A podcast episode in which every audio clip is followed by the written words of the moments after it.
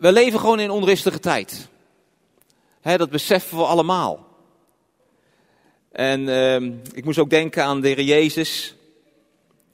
Hè, hoe hij in Matthäus 24 ook spreekt over de eindtijd. Over de tijd voordat het koninkrijk van God in al zijn volheid, bij de terugkomst van Jezus, zal gaan baanbreken. En dan spreekt hij inderdaad over oorlogen en oorlogsdreigingen. Ehm, hij begint met uh, te waarschuwen voor misleiding. Daarom is het zo belangrijk om dicht bij het woord van God te blijven. Om met elkaar in contact te blijven. Dat we niet op de een of andere manier misleid worden. Hij spreekt uh, over vervolgingen, over verraad, over haat. En wat voor haat is er niet in deze wereld? Hamas die gedreven wordt door haat. Ze hebben maar één ding en dat is Israël van de kaart vegen. Dat is gewoon wat Israël ook probeert. Ze hebben de Gazastrook gewoon cadeau gekregen. Ze kunnen er een, Singapore aan de Middellandse Zee van maken. Maar al het geld wordt in terreur gestopt. Gewoon verschrikkelijk. Er is zo'n haat.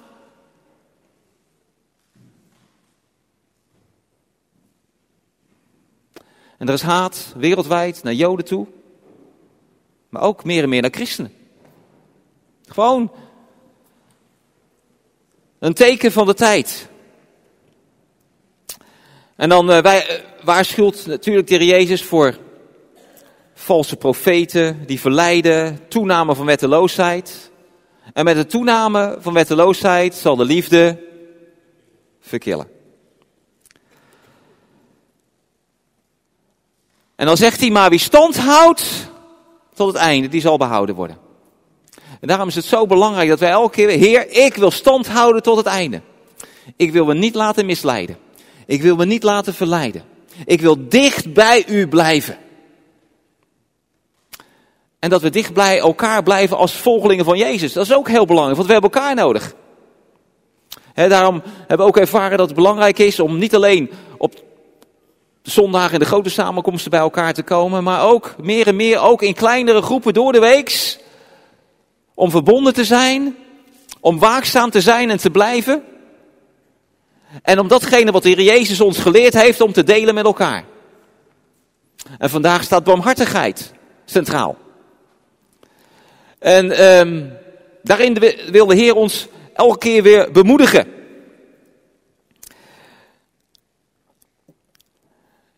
En het is heel goed om te beseffen, alles begint bij God zelf. Daar is het begonnen. En dat is elke keer opnieuw. Hij is het begin van alles. Hij is barmhartig. Hij heeft naar jou en naar mij omgezien. Want we hebben een barmhartig God. We hebben een genade voor God. We hebben zo'n goede God. En dat we volgelingen van Jezus zijn geworden, is er iets in ons gebeurd, waardoor die gezindheid van God ook in ons gestalte krijgt en dient te krijgen, ook op het gebied van barmhartigheid. Ik denk dat vanwege de oorlog in uh, Israël ik ook moest denken aan uh, het Bijbelboek Daniel. Waar Daniel in hoofdstuk 9 constateert in ballingschap, Jeruzalem ligt verwoest, ligt in puin. En hij realiseert, hey, maar de profeet Jeremia, die heeft gez gezegd dat het 70 jaar zou duren. En we zitten bijna aan het eind van die 70 jaar. Hij ging niet met zijn armen over elkaar zitten en zei, heer, nou, uh, laat maar zien, 70 jaar. Nee, hij besefte, hij werd gedrongen om te gaan bidden. Hij werd gedrongen om in de voorbeden te gaan staan. Dat het werkelijk, datgene wat God beloofd had, zou gaan plaatsvinden. En dat is een principe. God wil samenwerken met ons mensen. Hij wil door ons heen bidden. Dat wij naar zijn wil bidden. er is wel eens een uitspraak gedaan. Gebed is aardse. Een aards verzoek is aardse toestemming voor hemelse interventie. Datgene wat, wat, wat God wil doen, dat wil hij doen, maar hij wil ons mensen gebruiken. In het gebed, maar ook inderdaad werkelijk handen en voeten geven. En Daniel, die bidt dan. En wat dan opvalt, hij is een rechtvaardig man. Maar hij bidt en beleidt schuld voor het volk. Heer, wij hebben gezondigd. Wij zijn afgebeden voor uw, van uw geboden. Daarom zitten we in de Pineri. Heer, vergeef ons, reinig ons. En kom met uw herstel wat u beloofd heeft. En dan is er zo'n mooi vers. Ik heb het ook uh, laten projecteren. Bied mijn God ons een luisterend oor en hoor ons. Open uw ogen en zie de verwoesting van de stad. Hij heeft over Jeruzalem. Waaraan uw naam verbonden is. Niet omdat wij rechtvaardig zouden hebben gehandeld. Leggen wij onze smeekbeden aan u voor. Maar omdat uw barmhartigheid groot is. Zullen we het zeggen met elkaar? Omdat uw barmhartigheid groot is. Gods barmhartigheid is zo groot.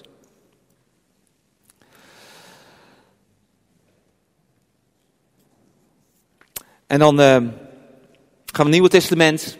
En dan lezen we dat bekende gedeelte waar Jezus iets leert over barmhartigheid. En we gaan naar Lucas hoofdstuk 10 vanaf vers 25. En ik wil uit de nieuwe Bijbelvertaling het volgende lezen. Er staat in mijn vertaling boven het enige noodzakelijke. Er kwam een wetgeleerde die hem op de proef wilde stellen. Die kwam Jezus dus op de proef stellen.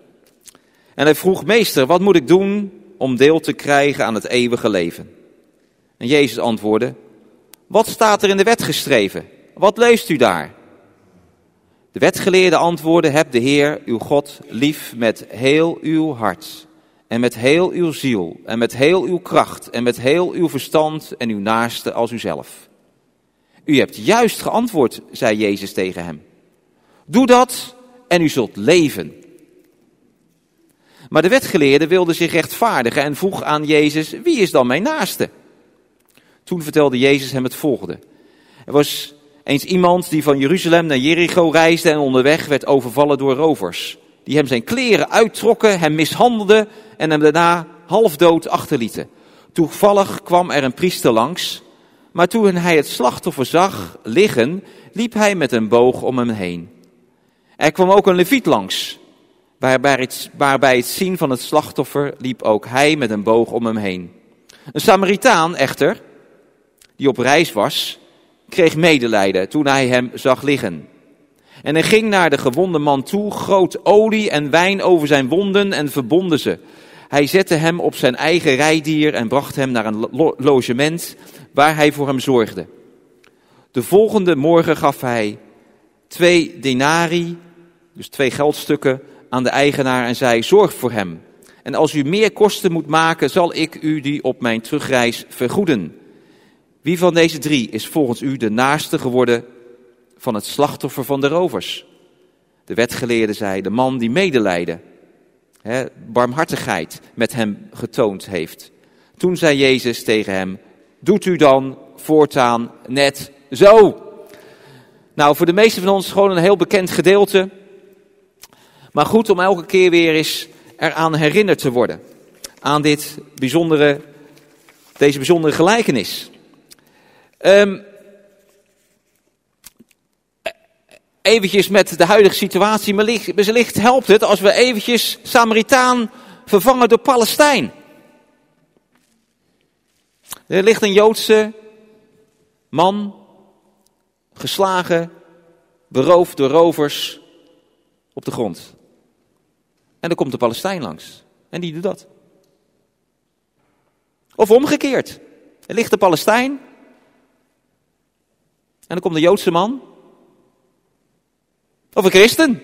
Die komt voorbij. Die doet wat deze Samaritaan deze gelijkenis doet. Dat is wat Jezus probeert aan te geven. De Samaritanen gingen niet goed om met Joden.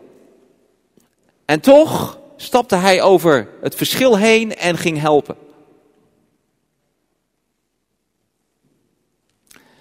En dit is een les die nog steeds actueel is. In onze eigen situatie kan het zijn een lastige buurman of een lastige buurvrouw. Of een toch een, een collega. Ach, wat is dat moeilijk samenwerken met die man of met die vrouw. Of die leerling op de school, die medeleerling. Wat doe je als volgeling van Jezus? Als die persoon gewoon hulp nodig heeft. de reactie uit het vlees kan zijn, nou, bekijk het maar zeg. Je hebt me zoveel last bezorgd en denk je dat ik je nou ga helpen in jezelf? Kan je dat tegen jezelf zeggen? Maar nee, dat is niet wat Jezus leert hier.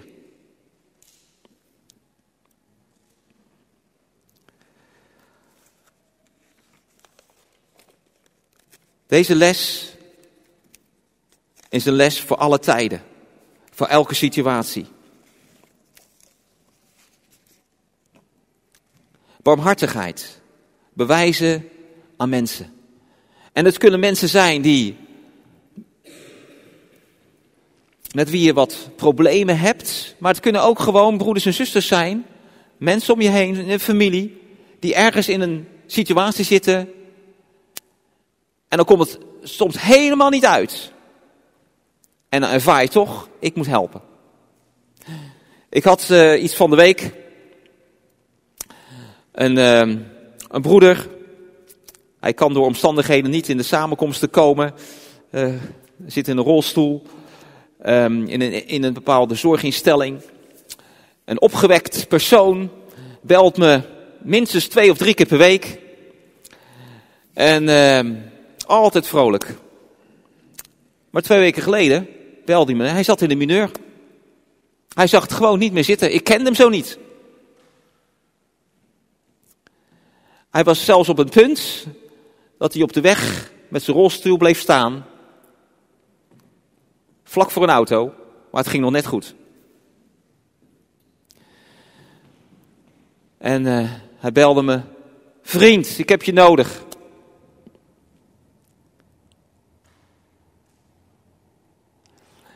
Dus ik heb uh, afspraak gemaakt. Van de week ben ik langs geweest. En dat kun je misschien hebben. Er zijn dingen gebeurd in het verleden. En die kun je lange tijd onderdrukken. Onderdrukken, onderdrukken, onderdrukken. Maar het kwam eruit. Zijn vader is op jonge leeftijd gestorven. En ook de omstandigheden waren heel verdrietig toen bij het overlijden van zijn vader. Meer dan 30 jaar geleden. Hij was toen nog maar een tiener. Door het ongeluk is hij vrienden kwijtgeraakt vanwege zijn beperkingen. En het vloog hem allemaal aan.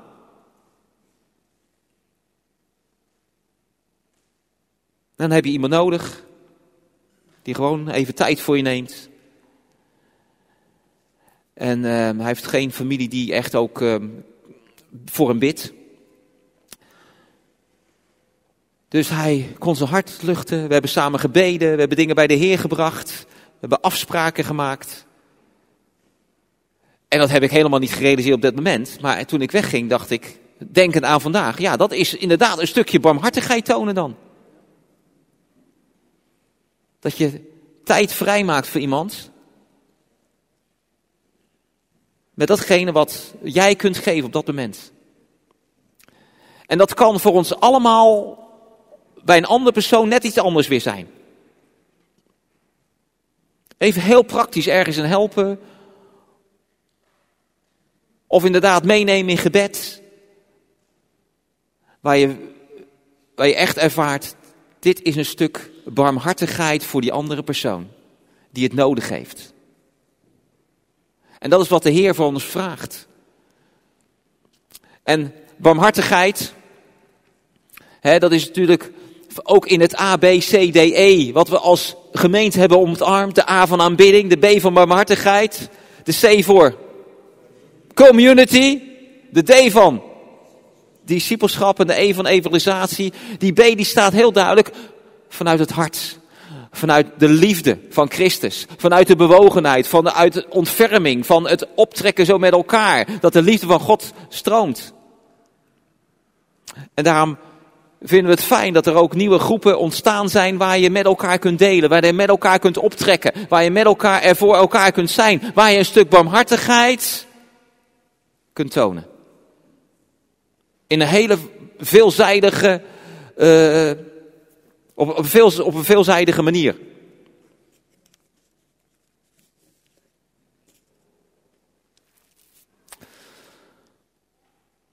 En dat de Heer ons leidt in het omzien naar anderen. Dat kunnen broeders en zussen zijn, dat kunnen mensen zijn die nog te winnen zijn, maar door barmhartigheid. Wat is de uitwerking van barmhartigheid? Wat is de uitwerking van barmhartigheid? Dankbaarheid hoor ik roepen. Dat is inderdaad. Bij de ander roept dat iets van dankbaarheid. En bij jezelf, wat doet, wat doet het? Als je barmhartigheid bewijst, wat doet dat bij jezelf?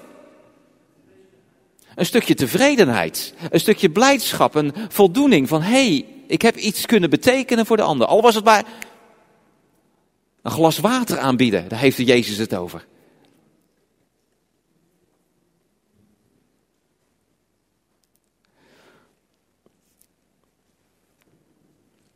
De liefde van God wordt zichtbaar. Door barmhartigheid wordt de liefde van God zichtbaar. De verbondenheid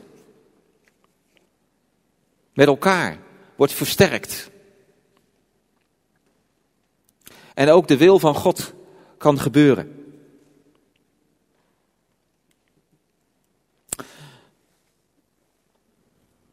Van de week is dan de gelegenheid om op verschillende plaatsen ook deel te nemen aan een kleine groep. En niet iedereen is verbonden aan een kleine groep. Maar het is wel, dat, is, dat kan door verschillende omstandigheden kan dat gewoon het geval zijn. Uh, het komt even niet uit in deze fase. Uh, je wil het eens even aanzien. Um, je hebt je wel opgegeven, maar op de een of andere manier is het nog niet mogelijk. Maar laten we niet ontmoedigd raken, maar laten we iets hebben van Heer, wilt u mij leiden? Als u wil dat ik deel word van een kleine groep, leg het in mijn hart. Laat ik contacten krijgen. We willen het niet organiseren, hebben we al eerder gezegd. Van nou, we gaan iedereen indelen. Nee, het moet uit je hart geboren. Het, wordt, moet uit jezelf komen. Uh, hosts moeten dienen op te staan. Uh, de contacten moeten vloeien. Het moet door de geest geleid worden. Dat is gewoon heel belangrijk. En dat je beseft dat je een hart hebt van aanbidding. Dat je een hart hebt van barmhartigheid. Dat je een hart hebt voor de community, voor de gemeenschapszin. Dat je een hart hebt van Heer, ik wil groeien als discipel van Jezus. Heer, en ik, wil, ik ben beschikbaar om uit te reiken naar anderen. E van evangelisatie. En dat we gewoon daarin ons laten meenemen door de Heilige Geest. Want God is aan het bewegen. Dat is gewoon zo. God brengt mensen op ons pad. God brengt mensen in ons midden. God brengt mensen op jouw pad. Die op een, op een, of andere manier, op een manier kunt bereiken met evangelie. En daarin zal barmhartigheid, gewoon omzien naar de ander, heel belangrijk zijn. Zullen we ons daarvoor openen? Zullen we ons daarna uitstrekken? En dat is iets wat de Heer moet leiden. Die Samaritaan in die gelijkenis, die heeft dat niet gepland. Ik ga naar uh, Jericho. En dan dadelijk af en dan kom ik daar iemand tegen. Nee, het, het gebeurt, komt op je pad. En zo zal de Heer ook personen op ons pad brengen. Voor wie wij iets kunnen betekenen. Dat kan een bekende zijn, dat kan een broer en zuster zijn in de Heer. Maar het kan een heel onbekende zijn. Of iemand met wie je zelfs wrijving hebt. Maar toch vraagt de Heer van je om in de gezindheid van Jezus uit te reiken. Want God is barmhartig. Hij heeft naar ons uitgereikt. Hij heeft naar jou en mij uitgereikt. Toen wij nog zondaren waren, zei zegt Paulus. Toen wij hem nog niet zochten, was hij al naar ons op zoek. Was hij al in ons geïnteresseerd? Wilde hij die liefdesrelatie met ons aangaan? Zo goed is God. Dat zijn barmhartigheid. Zullen we met elkaar gaan staan? Halleluja.